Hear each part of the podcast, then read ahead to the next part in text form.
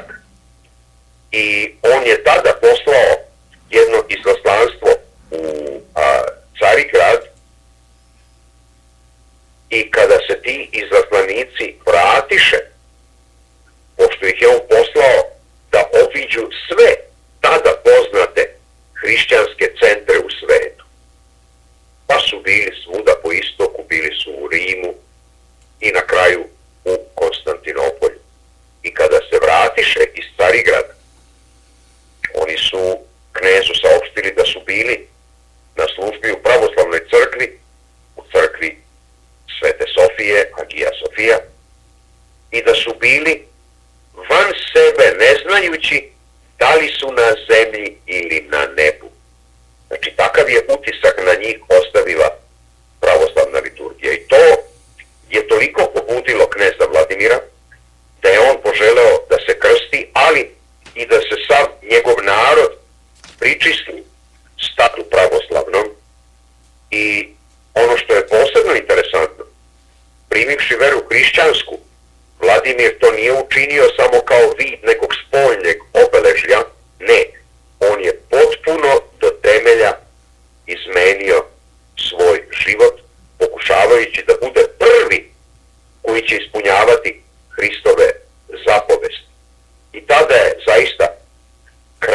irnos poco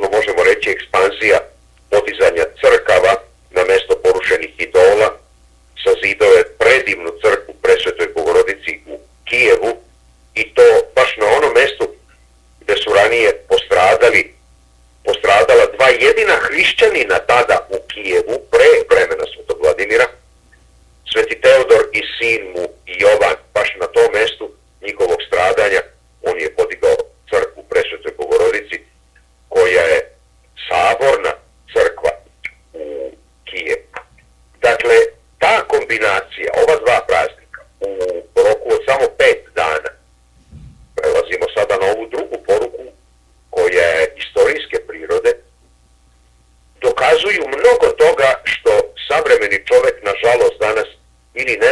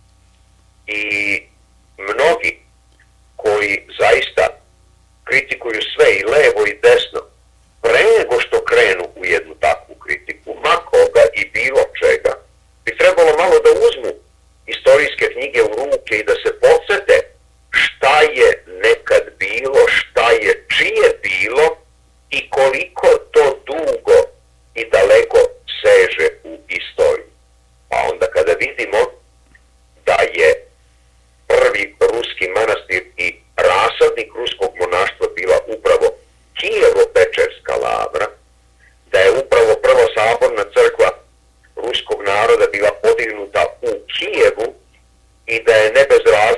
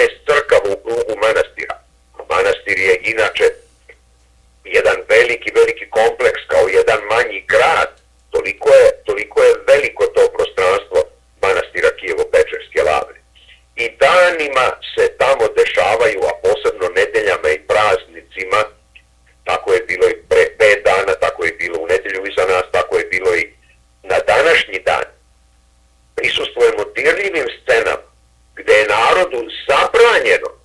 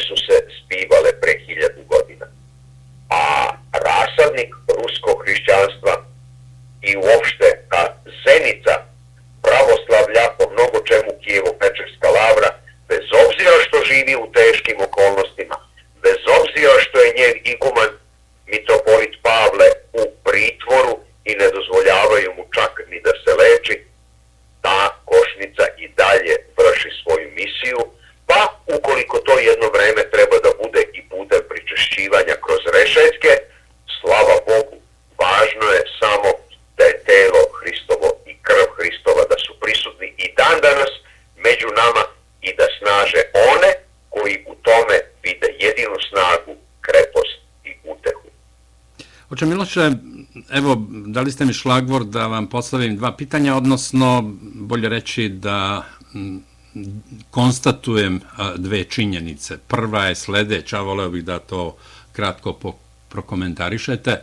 Patrijar Srpske pravoslavne crkve, Porfirije, uputio je 22. jula pismo međunarodnim organizacijama i svetskim verskim poglavarima, među kojima su Papa Francisco, poglavari ili patrijarsi svih pravoslavnih crkava i kenterberijskom nadbiskupu Justinu Velbliju kao i Svetskom savetu crkava u kojem traži, odnosno moli oslobađanje mitropolita Ukrajinske pravoslavne crkve već pomenutog Pavla. Izvolite. Da, naš patrijarh je time dokazao zaista a, koliko je a,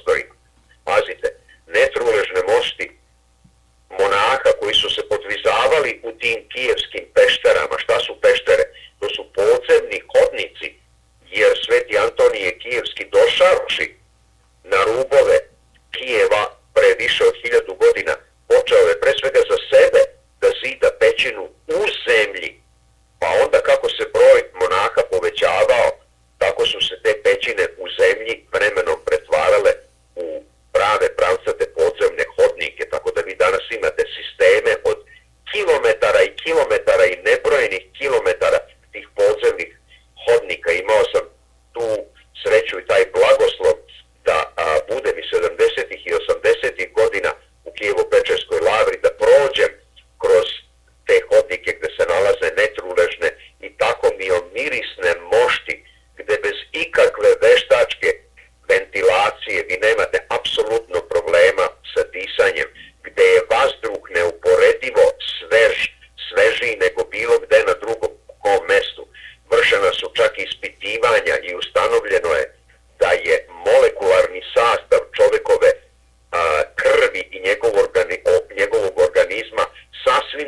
drugačiji, kvalitativno bolji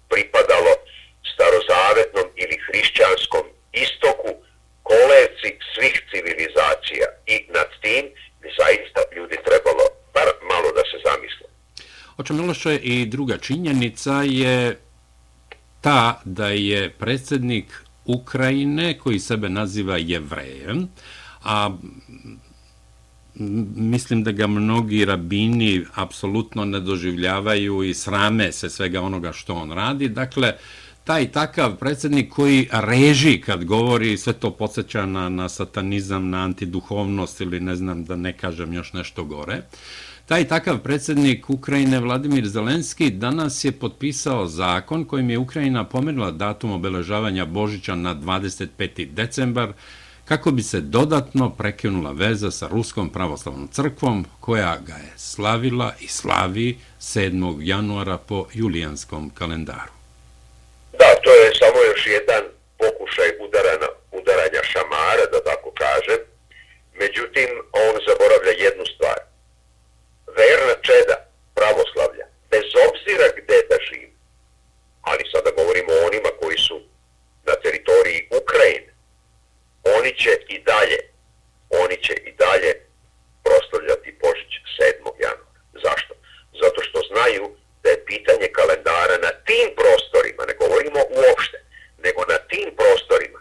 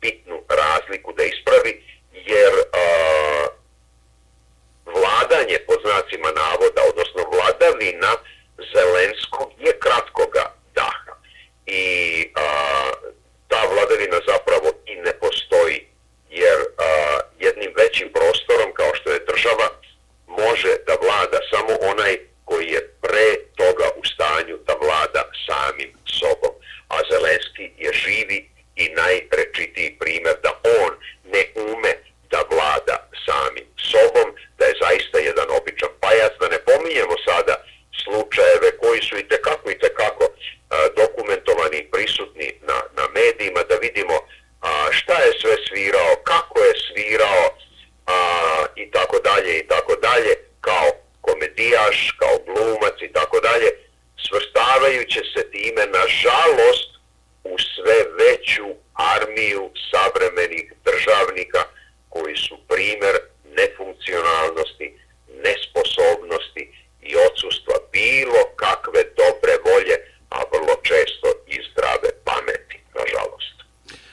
Miloše, hvala vam što ste bili gosta Srpkog radija Čikago.